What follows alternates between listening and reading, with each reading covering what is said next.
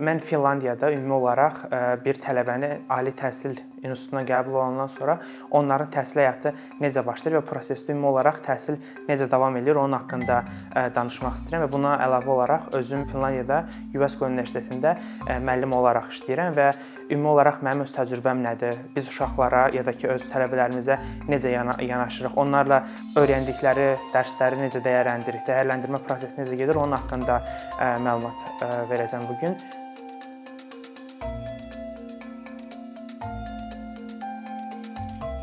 Ümumi olaraq Finlandiyada bir tələbə bakalavr təhsilinə imtahan verdikdən sonra başlayır. Yəni bakalavr təhsilinə başlamamışdan əvvəl onlara 1 həftəlik orientasiya həftəsi olur. Yəni o orientasiya həftəsi nədir? Həmin həftədə ümumi olaraq tələbələri tanış eləyirlər ki, universitetdə e, nə tip fəaliyyətlər var, nəyə qoşula bilərlər. Ümumi olaraq akademik həyatla bərabər onlar e, nə tip başqa fəaliyyətlərə qoşula bilərlər ki, e, sosial həyatları da aktiv olsun bu müddətdə. Əslində bu çox dünyada yayılmış bir şeydir ki, hər tələbənin özünün bir onlayn profili olur, girir universitetin profilinə, dərslərinə baxır, o dərslərinə necə irəliləmə var. Amma Finlandiyada bir azca mənim gördüyüm fərqli ondan ibarətdir ki, siz o uşaqlar həmin e, platformaya girəndə orada qeydlər apara bilirlər ki, ümumi olaraq onların tədrisləri hansı ə, e, strukturda olsun. Yəni deyə bilirlər ki, təbii ki də bəzi dərslər məcburidir. Məsəl üçün siz əgər hər hansı bir mühəndislik sahəsində oxuyursunuzsa, deməli fizika, kimya ya da ki informatika kimi bəzi sahələri onsuz da götürməyə məcbursunuz. Amma bundan əlavə olaraq 2-ci və 3-cü kursda sizin daha çox dərs seçmək haqqınız olur. Belə olanda siz özünüz öz öyrənmə strukturunuzu başdan ayağa təyin edə bilirsiniz. Bu məsəl üçün onlara çox böyük üstünlük verir ki, ən azından maraqlı olan sahələrdə şansları olur ki, dərslər götürsünlər və yaxud da ki, e, təkcə bir sahəyə yönəlmirlər, fərqli-fərqli dərslər götürmək şansları olur ki, ən azından görsünlər ki, məsəl üçün, əgər mən kompüter elmləri oxuyuramsa, mənim marağım data analitikasındadır, yoxsa kibernetikadadır. Yəni bu onlara bu imkanları yaradır. Deyək ki, e, tələbələr gəldilər, orientasiya həftəsi qurtardı, e, dərslərinin strukturunu da təyin etdilər. E, Finlandiyada bir fərqlilik də ondan ibarətdir ki, normalda yəni mənim bildiyim qədər də beynəlxalq təhsil institutlarında çox vaxtı belə olur ki, e, ya payız semestr, payız, bahar semestri olur. Bəzən də yay semestrində xüsusi dərslər açılır, bağlanır, amma əsas 2 semestr olur. E, Finlandiyada 5 e, dənə təhsil periodu olur. Yəni payızdan yayın başına qədər 5 təhsil periodu olur. Hər təhsil periodu ortalama 2.5 ya da ki 3 ay arasında dəyişir. İndi deyərsiniz ki, bu nə fərq eləyir? Yəni sadəcə olaraq periodu qısaldıb 5 dənə olanda nə fərq olur ki? Ən böyük fərq ondan ibarət olur ki, məsəl üçün tələbələr qərar verə bilirlər ki, tutaq ki, mən sentyabrdan noyabrın ortasına qədər ancaq dərslərimi götürüb kreditlərimi toplamağa çalışaram. Amma məsəl üçün önümüzə gələn ondan sonrakı 5 ay boyunca daha çox praktiki işlərlə məşğul olaram və yaxud da ki, işləyərəm. Yəni öz həyatlarını özdə özləri istədikləri kimi strukturlaşdıra bilirlər, təyin eləyə bilirlər. Bu əslində biraz onların perspektivindən olandır ki, yəni onlar necə başlayırlar e, təhsil həyatlarına, ümumilikdə hər hansı bir fin universitetində təhsilləri necə davam eləyir. Bu tələbənin perspektivindəndir, amma mən özüm e, bir müəllim kimi nə, necə işləyirəm onlarla, mənim öz təcrübəm nədir və yaxud da ki, e, mənim öz kolleqalarımda gördüyüm müxtəlif müxtəlif vəziyyətlər, situasiyalar var ki, onlar necə tələbələrə yanaşırlar Finlandiyada. Deməli, e, bizdə e, mənim öz dediyim departamentdə ümumi olaraq ən e, fərqli nüans ondan ibarətdir ki, biz uşaqları çox vaxtı dəyərləndirmirik. Yəni dəyərləndirmirik deyəndə onlara biz test və yaxud da ki, hər hansı bir quiz verərək onların nə qədər bal yığıb, məsəl üçün 20 dənə test verib onların ondan yuxarı olanda dərsdən keçir və yaxud da ki, ondan yuxarı olanda biz onlara 90 verək, A verək. Bizdə belə bir sistemdə yoxdur. Bizim ola bildiyi qədər müxtəlif qiymətləndirmə metodlarından istifadə etməyə çalışırıq ki, həmin o uşaqların həqiqətən bir şey öyrənib öyrənmədiklərini ən uyğun şəkildə, ən funksional şəkildə baxa bilək ki, həqiqətən bizim dərsimiz uğurlu oldu. Yəni bu öyrənmə periodundakı dərs həqiqətən onlara nəsə öyrədə bildi. Bunu bunu eləməyin müxtəlif metodları var. Mən özüm nə tətbiq eləyirəm deyim. Deməli mən öz dərslərimdə e, bir dənə proyekt verirəm və o proyektlərə paralel olaraq leksiyalar deyirəm. Yəni onlar leksiyalarda iştirak edib o videolara baxandan sonra ona paralel olaraq öz proyektlərini də inkişaf elətdirirlər. Yəni öz e, bu bir-birinə paralel gedir deyə onlara çətin olmur. Və e, həmin o mənim dərsimin axır axır vaxtına gələndə onlar artıq öz proyektlərini təqdim eləməlidirlər. Biz proyektləri dəyərləndirəndə ümumi olaraq bal vermirik. Yəni bal verməyə ümumi olaraq bizim departamentimizdəyim o qədər də isti baxmır. Ona görə biz onlara deyirik ki, o o onların proyektləri kifayət qədər yaxşıdır ki, onlar dərsi keçirlər və yaxud da ki, dərsdən qalırlar. Və biz dərsdən qalmağı da, dərslərini kəsməyi də uşaqları çox xoşlamırıq. Ona görə biz nə eləyirik? Ən azından mənim özüm tətbiq etdiyim bir yöntəm ondan ibarətdir ki, biz proyekti veririk, onlar proyekti eləyirlər, amma proyektləri deyək ki, yaxşı olmadı. Yaxşı olmayanda biz onlara baxırıq və geri dönüş eləyirik ki, məsəl üçün bu paraqrafda detallı məlumat yoxdur və yaxud da ki, məsəl üçün siz burada bu metodu tətbiq edirsiniz, amma bunu dəyişdirmək lazımdır bütün bu punktları verəndən sonra onlara 1 həftə müddət verib, 1 həftədən sonra əgər onlar onu inkişaf elətdirib daha yaxşı vəziyyətdə bizə gətirsələr, onda o dərsi keçirlər. Yəni e, biz bunu niyə eləyirik? E, çünki mən e, qeyd edim ki, ən vacib şey təhsillə bağlı bu öyrənmənin olub olmadığından əmin olmaqdır. Yəni elə biz burada da buna əmin olmağa çalışırıq ki, mənim o dediyim dərsdə o dərsi keçib ya da keçməyib mənim üçün çox da fərqi yoxdur. Mənim üçün vacibdir ki, onlar həqiqətən bu dərsdən nəsə öyrəndilər və onlara mən o geri dönüş eləyəndən sonra onlar onu dəyişdirib gətirəndə 100% acı da olsa onlarda nəsə dəyişiklik olur o dərslə bağlı, o dərsdə öyrətdilərimizlə bağlı. Bu e, birinci metoddur. E, başqa bir metod da var ki, məsəl üçün e, siz dərsə girirsiniz, tələbə kimi dərsdə özünüz seçə bilirsiniz ki, ümumi olaraq bu dərsi nə tər keçmək istəyirsiniz? İndividual olaraq proyektmi hazırlamaq istəyirsiniz, yoxsa qrupla bir yerdə işləmək istəyirsiniz, yoxsa testmi vermək istəyirsiniz? Yəni sizə müxtəlif seçimlər təklif oluna bilər. Bu niyə yaxşıdır deyim? Çünki elə ola bilər ki, mən bir tələbə kimi siz məndən imtahan götürmək istəyirsiniz və deyirsiniz ki, biz bu gün test eləyirik. Ola bilər ki, mən bilirəm o mövzuyu, amma mənim bacarıqlarım elə deyil ki, mən o imtahanın suallarını 1 saat yarımın içində həll edeyim, verim. Belə olan vəziyyətdə siz əslində hər e, tələbəyə individual yanaşdınız. Onlara imkan verirsiniz ki, tələbə özü qərar versin ki, onun biliyini necə təyin eləyək. Mən bir də danışmaq istəyirəm ki, ümumi olaraq tələbəyə yanaşma nədən necədir? Mən biraz danışmaq istəyirəm diskriminasiya məsələsindən. Bir də ki, onların orada olan şagirdlərin ya da ki, tələbələrin ümumi olaraq sosial imkanlarından.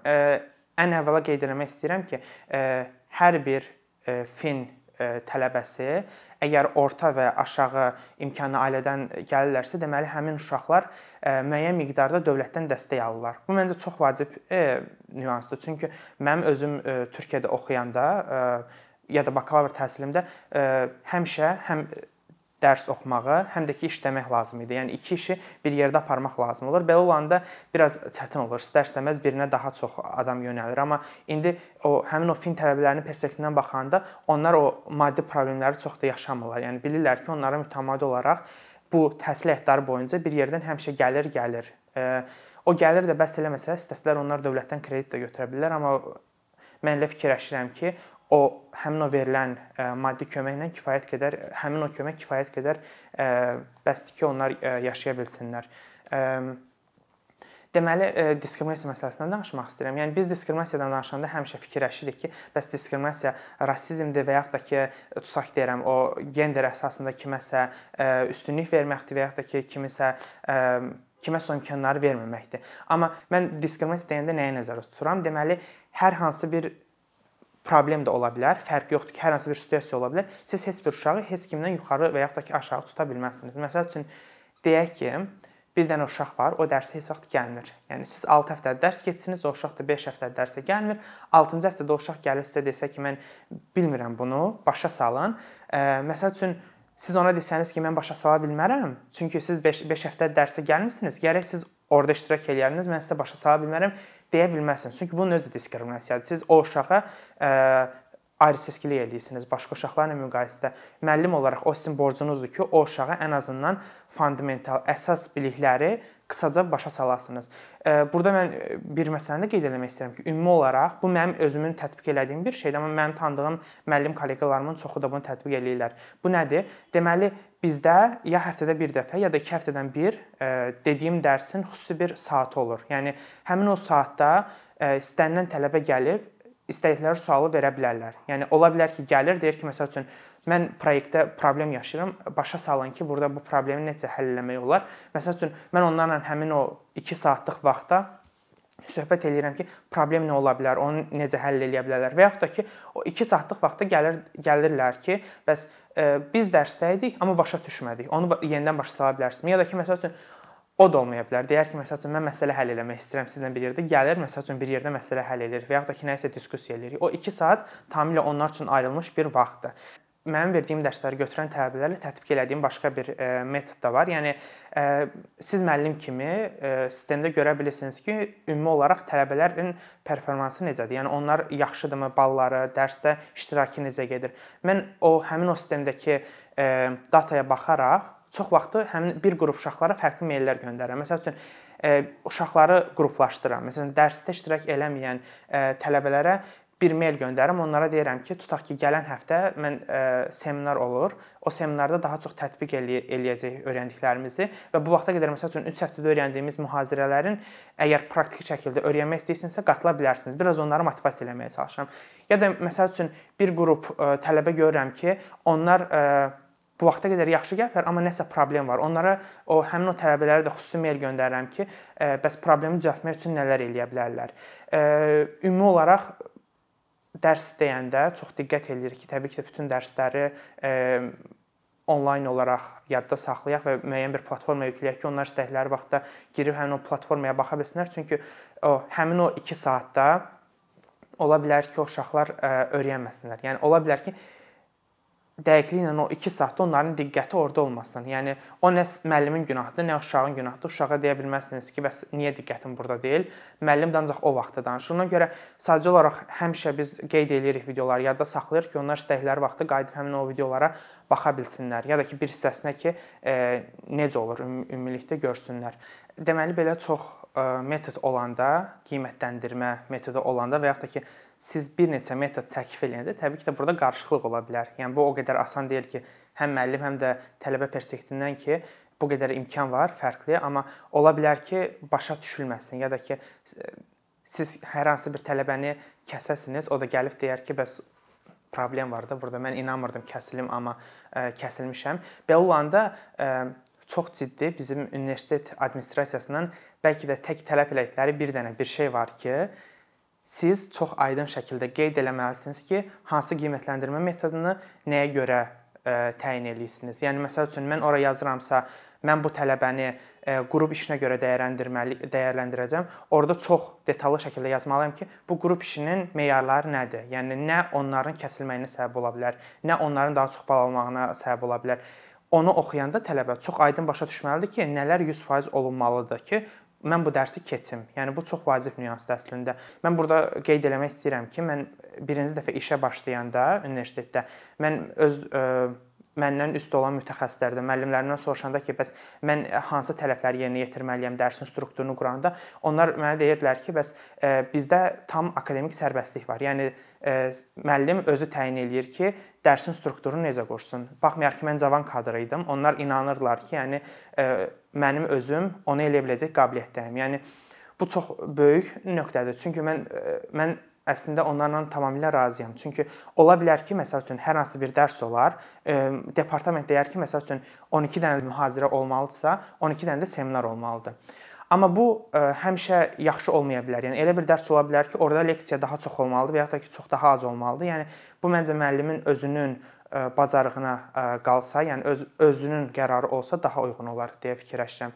Finlandiyada belə bir ə, məsələ var ki, siz bakalavr təhsilini qutarandan sonra, 3 ildən sonra avtomatik olaraq magistratura təhsilinizə davam edə bilirsiniz. Çünki ə, orada imtahan verməyiniz lazım deyil. Bu niyə yaxşıdır məncə? Çünki mən ən azından ə, Azərbaycanda gördüyüm məsələlərdə onu görürəm ki, ə, olur ki, şagird heç xoşlamır dərslərini, amma gedir ə, tələbələr dərsi götürürlər sırf A almaq üçün, ya da ki 90 üstündə ortalamaları olması üçün istəmədikləri dərsləri oxumağa başlayırlar. Yəni belə olanda biraz ə, ortalamaları yüksək olur, amma istəmədikləri ə, məsələlər haqqında bilikləri olmuş olur. Yəni onu da təbii ki də bir qısa müddət ərzində unutmağa başlayırlar, amma ə, yəni bizim strukturda ən azından ya da ki bizim bölgədən olan təhsil institutlarının çoxunda bu ortalama çox böyük rol oynayır. Amma orada elədir ki, siz bakalavr qutarandan sonra birbaşa magistraturaya gedə bilirsiniz. Çünki orada daha çox belə başa düşürlər ki, siz bakalavr müddətində olduğunuz sahənin əsas təməllərini öyrənsiniz. Magistraturaya oxumaq sizin əslində haqqınızdır. Çünki təməllərini öyrəndiyiniz bir elmin daha hər hansı bir xüsusi bir sahəsində ixtisaslaşmağa getsiniz. Əslində bu çox məntiqlidir. Ona görə siz imtahan vermədən avtomatik olaraq əgər bütün dərslərinizi bakalavrda keçibsinizsə, avtomatik olaraq magistraturada davam edə bilirsiniz. Bəlkə də elə buna görədir ki, onlarda bakalavr ya da magistratura təhsillərini buraxan uşaqların faizi çox aşağıdır. Təxminən 4-5% ətrafında dəyişir. Thank